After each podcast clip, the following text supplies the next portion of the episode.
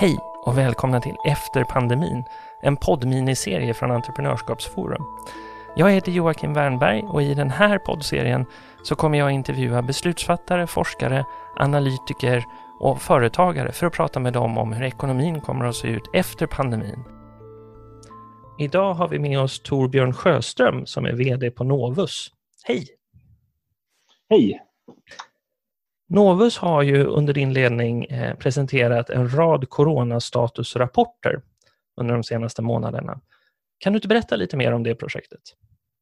Ja, vi släppte första i mm, 18 mars tror jag det var. Så det var just nu otroligt länge sedan. Men, men, men det vi märkte ganska fort då under tiden det bubblade kring frågan om corona och liknande var att vi kunde faktiskt, inte bara åsikter och tyckandet och tänkandet om frågan utan även faktiskt kunna hjälpa till att försöka få en bild om hur många som faktiskt är smittade. I och med att hela utmaningen var mörkertalen och att vårdens utmaning var att kunna klara av akutfallen snarare än att och, och kanske fokusera på, på hela samhällsutveck- eller samhällspåverkan som det faktiskt ger blir eh, vid, vid en, en, eh, pandemi som vi ändå stod inför då.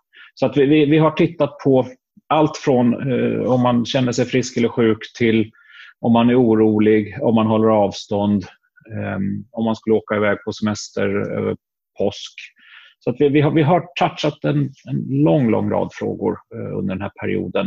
Eh, ibland rapporterat dagligen, men jag har insett att det blev lite jobbigt för alla i världen, inte bara mig själv, för jag har skrivit alla rapporterna själv.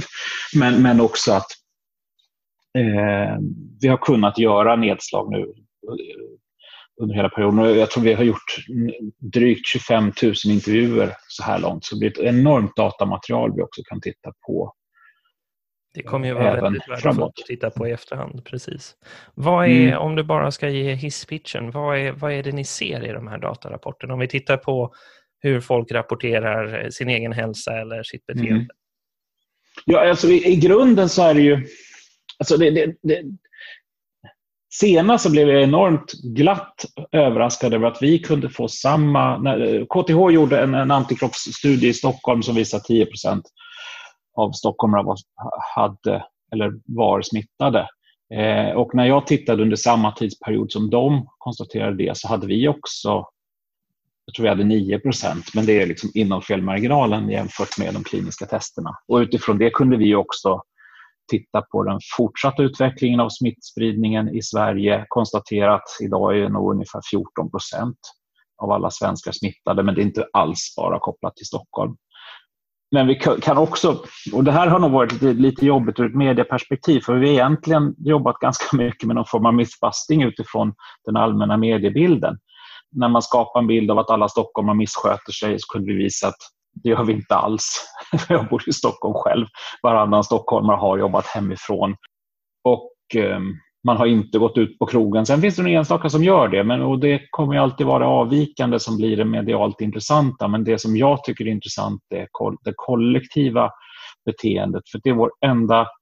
Ett virus beter sig ju helt annorlunda än en terrorattentat eller liknande. Att det är ju faktiskt det kollektiva beteendet som är det absolut viktigaste. Om vi sköter oss som medborgare så finns det en chans att hantera sjukdomen på ett kontrollerat sätt. Om vi inte sköter oss, det är då det går pipan. Och här har vi kunnat se hela tiden att svenskarna faktiskt sköter sig.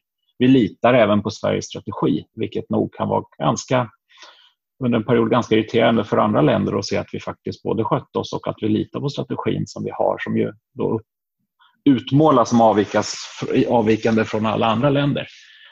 Det där är intressant att du tar upp. Jag tittade på, på eh, era grafer innan vi satte igång här och ni har ju, eh, vid de mätningar ni har gjort, när man tittar på förtroende för institutioner eller förtroende för hur man hanterar coronakrisen, så visar ju era respondenter ett väldigt högt förtroende.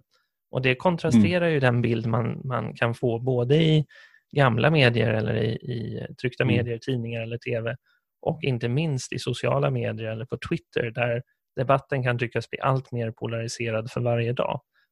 Mm. Är det där någonting Exakt. du har funderat på?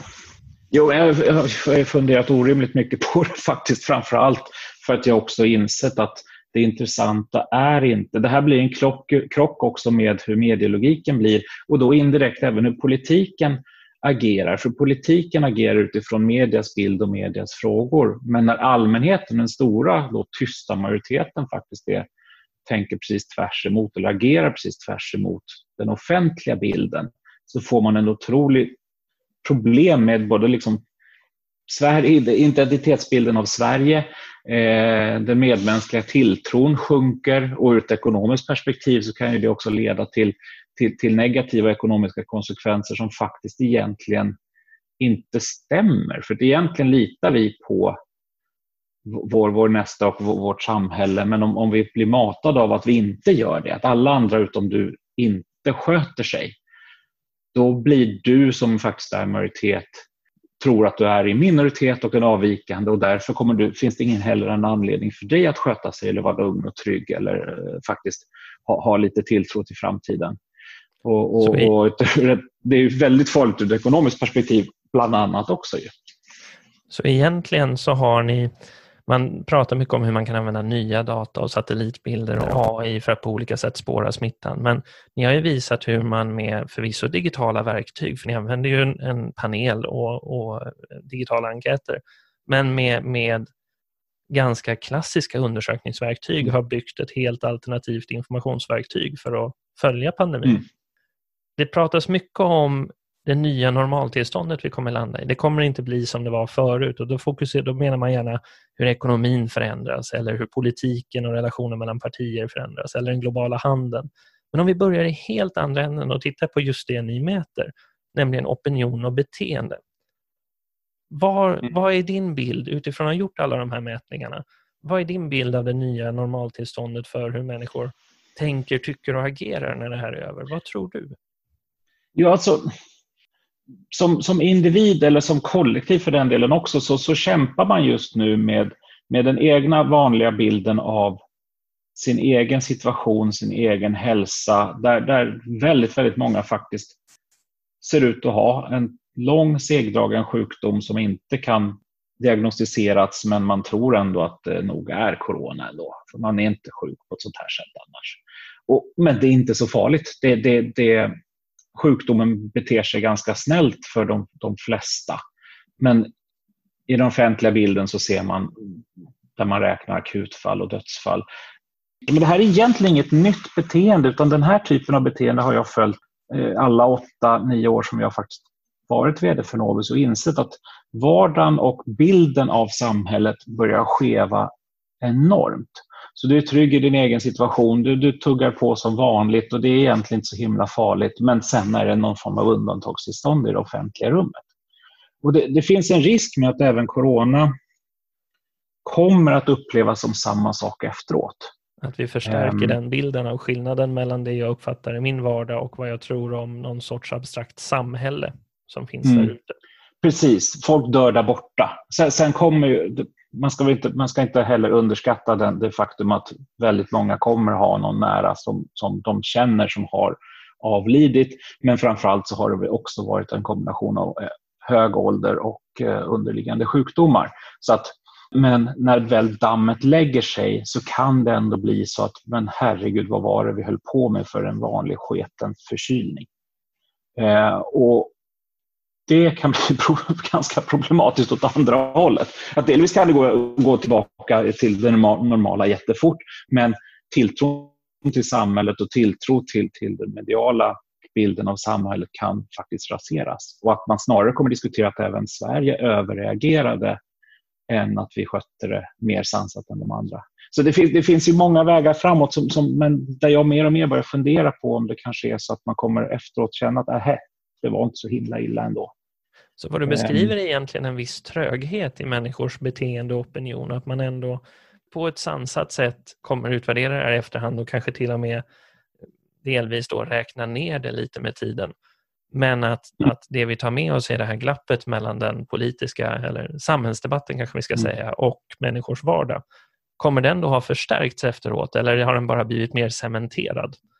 Hur mycket kan, vi, kan vi sträcka ja. ut vidden mellan de två? Ja, och, och det, Jag, tror, jag är ju rädd, alltså nu är det ju bara gissningar här, men jag är ju rädd att den kommer att förstärkas. Att bilden av här, den här populistiska drivkraften som finns, som utgår från krickjakt och en, en, en, jakt på överdrift och jakten på att chockera kan ge en avtrubbning hos, hos allmänheten men också en, en, en motkraft som säger att det här går inte. Vi kan inte ha den här typen av makthavare oavsett vad man kallar det. Om, det ska, om vi pratar om till exempel vinstutdelning nu och, och permitteringar som är ju någonting som inte... Det är ju, det är ju, det är ju på, på näringslivet där det kan se ut som en coronakrisen kan se ut som en, en, en kassako också. Så det, det, är inte bara politiken här, det är inte bara media. Det finns många dimensioner här som gör det ganska komplicerat. Det är ett antal Men, olika berättelser ja. som kommer att, att konkurrera om att beskriva historien efteråt. Ja, och när det har gått ett år och man har räknat fram antal dödsfall och kanske insett att det inte var mycket värre än en säsongsinfluensa på helåret. Och rätt eller fel kommer inte heller spela så stor roll just då, utan då kommer det bli så att man kommer välja den, den historien. För att du inte har förtroendet för en yttre auktoritet som faktiskt beskriver förfarandet efteråt. För då kommer det återigen bli lika rörigt och det kommer också bli en politisk slagträ till höger och vänster där man kommer att använda det här. Nu har det varit en borgfred i, i, i Sverige under två månader vilket har varit otroligt viktigt för att få oss att lita på att vi ska på myndigheter. Men det kommer komma en tid efter det här där man kommer att använda det helt politiskt eller för sina egna intressen. Och risken är då att vi är tillbaka till en ännu mer uppskruvad populistisk rörelse som vi ser i väldigt många västländer just nu. Det är Ungern åt ena hållet där man ju redan har gått mycket längre. USA samma sak. Så att, att det här bara blir en pinne i det där det inte var jordens undergång utan det bara kommer tolkas som att använda som ett sätt att försöka ingjuta rädsla i oss som medborgare. Ja. När vi ändå pratar om opinionen innan vi, innan vi hoppar till beteenden. Jag lyssnade på en intressant diskussion i en annan podcast nyligen där en av deltagarna konstaterade att om det är någonting vi borde vara verkligt oroliga för de senaste månaderna så är det alla nyheter vi inte har hört. Därför att media har varit så fokuserat på att rapportera om corona. Du tar upp att det kan finnas en skev rapportering, att man fastnar i de, de här ytterlighetsberättelserna om antal döda eller att stockholmarna inte följer eh, Folkhälsomyndighetens rekommendationer.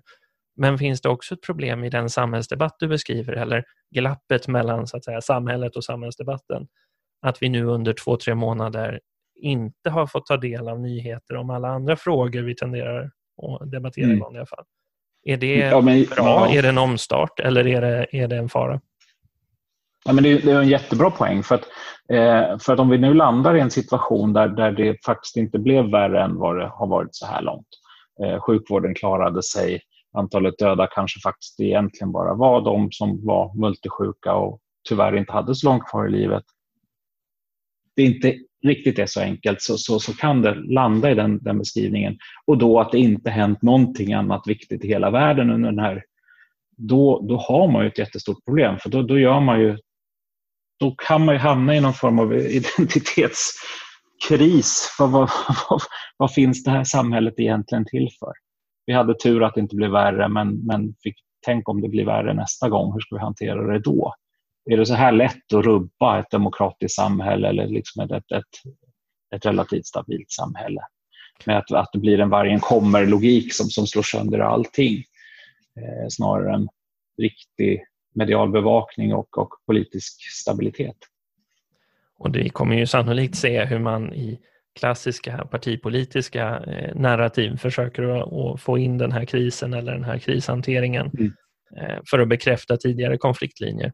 Men precis som du säger ja, så kommer vi också få nya konfliktlinjer kopplat till inte minst övervakningsfrågor och integritet nu när man pratar digital spårning. Mm. Ja, men, ja, men verkligen. Och, och, och, samtidigt som jag ju då i andra änden är positivt överraskad över att vi har sett en så pass stabilt samhälle där faktiskt alla sköter sig när det verkligen gäller. Det, det, hade man frågat mig innan om ett hypotetiskt scenario som det vi nu är i så hade jag nog inte vågat tro på att vi hade skött oss så pass bra som vi faktiskt gör. Och det, och på det, förhand hade du förespråkat en lockdown? Alltså jag, jag, jag hade nog själv gått på den offentliga bilden av att alla andra automatiskt blir rädda. För att om man tittar på de, de politiska rörelserna vi har sett så har det liksom varit en överreaktion väldigt fort. Så att jag, jag trodde inte att vi skulle kunna klara det med en sån pass stabil enighet och en så pass stor tilltro till staten och ansvariga myndigheter som vi faktiskt har, vilket är väldigt bra. Och det är skönt att ha fel när det, när det är på sådana frågor. Inte minst ur ett dataperspektiv, för nu har vi verkligen någonting att jämföra med. Sverige mm. utgör ju ett ytterlighetsexempel. Om vi hoppar mm. till, till beteenden. Vi har ju hört rapporter från, från olika länder om att inte minst att e-handeln har ökat, man beställer hem mer och man köper mer hämt, hämtmat vilket då skulle kunna ge en boost till gigekonomin. Och, ja, mm. Vi förändrar våra vardagsbeteenden helt enkelt. Tror du med din erfarenhet att det där är någonting som kommer att, att bita sig kvar eller längtar människor till att få återgå till fysiska möten istället för Zoom, att få gå i affärer och eh, köpa mat på restaurang? Ja, det, det, ställer ju en hel del saker på sin spets. Det gör det ju verkligen. Och att varannan stockholmare, för det är framförallt i Stockholm, som har jobbat hemifrån i, i två månaders tid nu, det skulle man nog inte kunna tro. Eh, samtidigt så tror jag att det här kommer vara svårt att upprätthålla i och med att vi är, vi är sociala varelser som behöver ha något mått av social kontakt. Och det får man faktiskt inte på, på Zoom på samma sätt och definitivt inte på mail. Och att få kunna träffas och umgås är någonting som kommer behövas. Och det finns väl en risk för att det finns en psykologisk backlash på det här sen också. Att vi har isolerat oss under så pass lång tid så att man faktiskt kanske glömmer lite bort hur det är att faktiskt vara social. Så någon typ av gummisnodseffekt ändå, att vi, mm. vi kastar oss tillbaka mot de gamla beteendena, men kanske inte hela vägen tillbaka, eller? Det, det är ju bara gissningar, men det, det, insikten att man kanske inte måste åka till jobbet varje dag, vilket kanske är den mest här betungande delen, eh, framförallt i en storstad, att det går nästan lika bra att eh, jobba hemifrån under perioder är ju någonting som kan vara, vara, vara bra ur det personliga perspektivet, men det finns ju kanske ett, ett, eh, ett problem ur ett produktivitetsperspektiv i ett samhälle också. För att, för att du, du kan hålla en sån nivå en stund men efter ett tag kommer du att tappa en del. Det kan vi eh, utgå från ett ja. konkret ja, mm. exempel. Du mm. är ju VD på, på Novus. Hur mm. har det fungerat? Jobbar ni hemifrån? Ja, vi gör ju det. Eh, och det, det, var från första dagen när man blev ombedd att arbeta hemifrån, om man kunde, så, så sa vi att då gör vi så. Mm. Eh, jag kommer inte ihåg exakt dag, men det var väl ungefär vid 18 mars det också.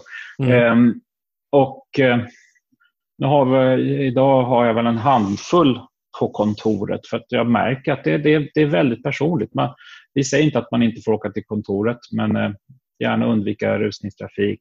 Absolut inte om man är sjuk såklart. men vi har två våningar inne i city som är tomma. Så det är inte så att man behöver vara så trångt, behöver vara så trångt där nu. Lätt att hålla en och en halv meter. Exakt, det är, eh, det är, det verkligen.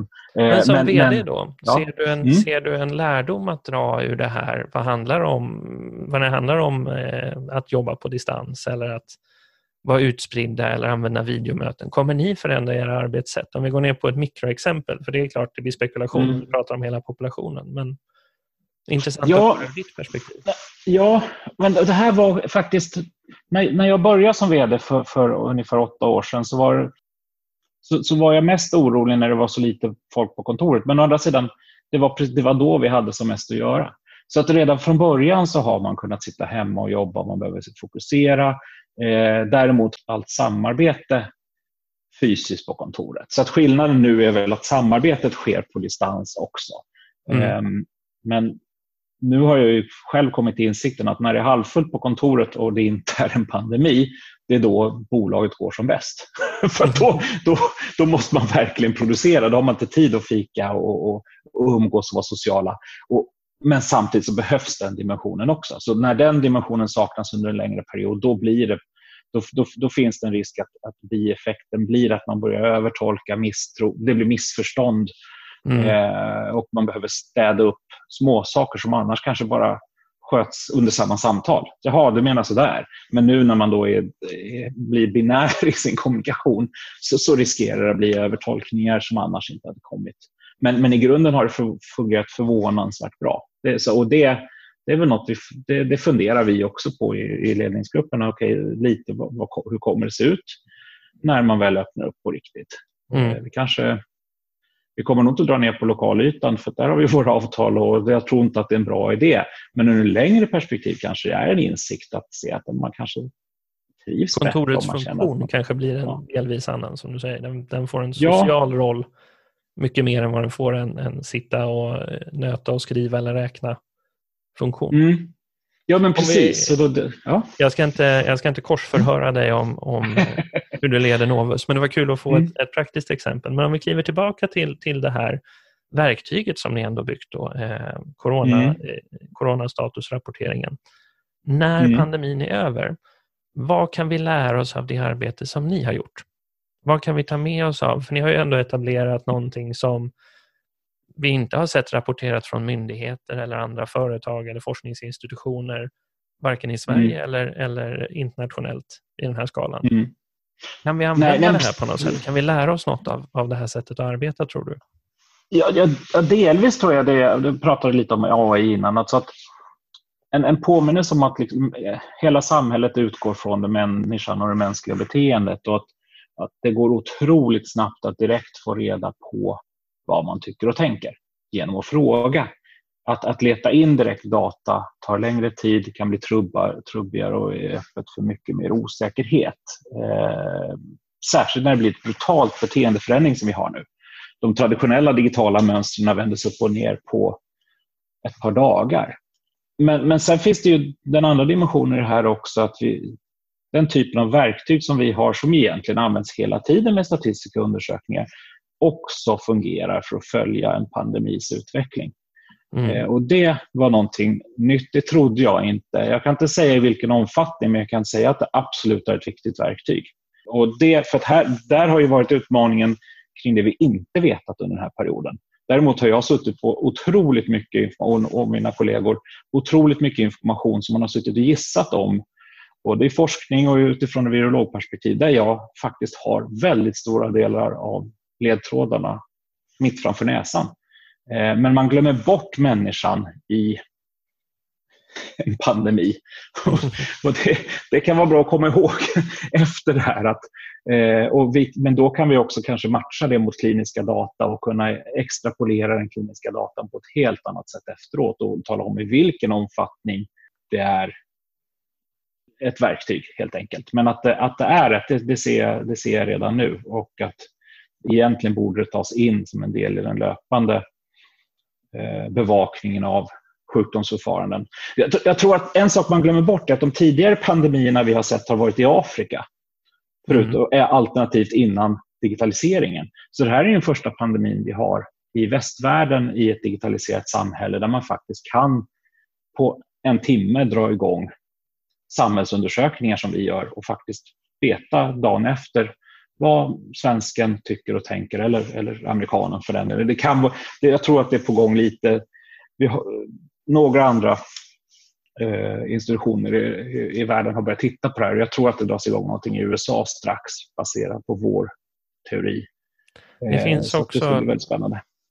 När jag lyssnar på dig så tänker jag omedelbart Först tänker jag på partisympatiundersökningar som ibland blir så täta emellan att man är lite osäker på om, om folk har hunnit ta ett andetag innan de ska svara en gång till.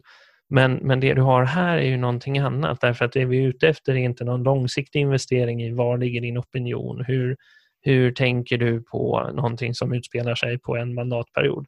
Utan vad mm. du har här är ju ett sätt att mäta någon sorts kollektivt lärande. Hur anpassar vi våra åsikter och beteenden här och nu på väldigt kort sikt? Mm och med en väldigt mm. snabb uppdateringscykel. Så att jag ser också framför mig att man skulle kunna lära sig av ert verktyg när man tittar på hur man implementerar nya typer av policies eller gör experiment både inom företag och mm. i ett kvarter för all del, där man då kan uppdatera på daglig basis och se vad folk tycker om det man gör. Mm. Vi kan helt mm. enkelt gå från uppdatering, det är det vi kallar eller utvärdering, Det är det vi kallar det när det är långa tidsspann mellan. Men när de här tidsspannen sjunker mot noll, då blir det ju väldigt effektivt ett realtidslärande. Mm. Ja, men absolut. Och, och det, där, det, det, är väl egentligen eh, kanske bara en, en, en logisk utveckling fast det, i mig, min värld är det en av, avsteg. Att man går från Facebookgrupper och liknande och sen så börjar titta på, på, på, på eh, medborgaren direkt. Eh, men men när man tittar på Facebookgrupper och liknande, då har man ju glömt bort hela den grundläggande dimensionen att man behöver ha slumpmässiga ur och att det måste vara representativ befolkning. Så vi är nästan bara tillbaka för att förtydliga, vad menar du på Facebookgrupper? Är det då eh, antal likes olika partier har till exempel? Ja, jag, men jag tänker mer på, på medborgaruppror och liknande som, där mm. det blir, oftast brukar bli en, en nyhet att man har fått tusen likes på ett argt inlägg på Facebook i en Facebookgrupp. Och, och på det ses som någon form av medborgar rörelse och att det är folkets röst. Eh, och att det är en realtidsmätare på det. Förutom att man då missar att urvalet är otroligt skevt. Eh, och det, men, men, traditionella statistiska undersökningar som vi jobbar med, då kan du direkt faktiskt få ett, ett, ett åsiktsmässigt representativt resultat på samma tid eh, som det. Och det blir mm. lite enklare att få någon sorts eh, värdeförädling i information och kommunikation när man har ett bra underlag att utgå från, mm. kan jag tänka mig. Ja, ja, men det är ju det. Så att, och, och som en parentes, jag hörde en nyhet om att eh, mediehusen aldrig haft mer, fler direktfrågor på sina realtidsbevakningar av coronakrisen. De har fått en massa frågor och det har presenterats mycket siffror om att det har varit enorma nivåer. Så jag undersökte faktiskt nu och frågade hur många av svenskarna som har frågat på de där typerna av chattarna på, på, mm. på mediasajter. Och det är 5% av svenskarna. Just det, eh, och det ger ändå en enorm ökning på, från, från mediernas perspektiv. Exakt, och det, i medias rapportering av det här låter som att det är 100% av svenskarna. Men i praktiken så är det 350 000 svenskar, men det räcker nog för att hålla en journalist sysselsatt dygnet runt rätt väl. Ehm. Vilket, även om vi inte ska svära på magnituden, kanske är precis det vi ser i arga Twitter-debatter också då, jämfört mm. med den bredare opinionen. Någonting som jag tänker exakt. också, om, man ska, eh, om vi ska avrunda lite grann, så skulle det vara mm. kul att fun- eh, höra dina funderingar kring eh, ett annat sätt att tillämpa coronastatusen. Man kanske kan se det som ett önskemål eller en fråga. Eh, mm. Fler och fler pratar om att det nu kommer bli svårt att öppna upp ekonomin igen. Att det är, det är enkelt att stänga ner och då är det förstås värre för de som har stängt ner mycket mer än vad Sverige har gjort. Men mm. även när vi då ska hitta vårt nya normaltillstånd så är det inte så enkelt som att man bara trycker på play som vi sa tidigare. Kan man använda coronastatus för att följa vad som händer medan vi håller på att öppna upp ekonomin, medan vi letar efter vårt nya normaltillstånd? Absolut, eh, det, det, kan man ju göra. Ehm, min utmaning är ju snarare kanske finansieringen. Jag har lagt några miljoner, nej mer, kanske fyra miljoner på undersökningar ur, ur bolagets egen ficka. Så det, det, är snarare vår uthållighet vi pratar om där. Så en efterlysning till alla lyssnare är att helt crowdfunda nej, nej, det vill jag inte ha. För att det, det blir jättekonstigt. Men däremot finns det samhällsaktörer som, som förstår att man behöver köpa den här typen av kunskap för att faktiskt kunna göra det. För crowdsourcing blir jättefel på alla sätt i vår, vår situation. Ja. men, men det finns ju samhällsaktörer som faktiskt behöver förstå hur medborgarna tycker och tänker ur ett mycket mer finkornigt sätt än medias frågor. Det är, väl, det är väl snarare där. Nu har vi gjort det här för att vi vill vara en sam eller vi har ett samhällsintresse och vi vill kunna bidra med den kunskap vi har i en extrem situation. Men sen är frågan hur länge vi kan hålla på med det utan att vi själva liksom går på knäna är ju snarare utmaningen. Men metodmässigt finns det inga som helst problem. Jag tror det finns mycket potential där. Har ni själva några planer på hur ni ska använda all den här datan ni bygger upp nu i efterhand? Eh, det kommer komma en, en, en rapport. När, när väl det här är klart kommer det komma en rapport och lite seminarier. Förhoppningsvis efter sommaren. Eh, kanske optimistiskt. Men, eh, Håller tummarna. Ja, precis. Men annars så, så, så får vi lite se. Det, det, är väl som med allting. Man får ta en tag i taget under den här perioden. Det är inget annat vi kan göra. Man tar en dag i taget och fortsätter mäta helt enkelt. Mm. Jättetack för att du tog dig tid Torbjörn. Ja, inga problem. Tack så mycket. Och tack för att ni lyssnade. Du har lyssnat på Efter pandemin, en poddminiserie från Entreprenörskapsforum. Om du går in på Entreprenörskapsforums hemsida så hittar du en undersida som heter just Efter pandemin och där finns det en utlysning för att samla in korta policyförslag.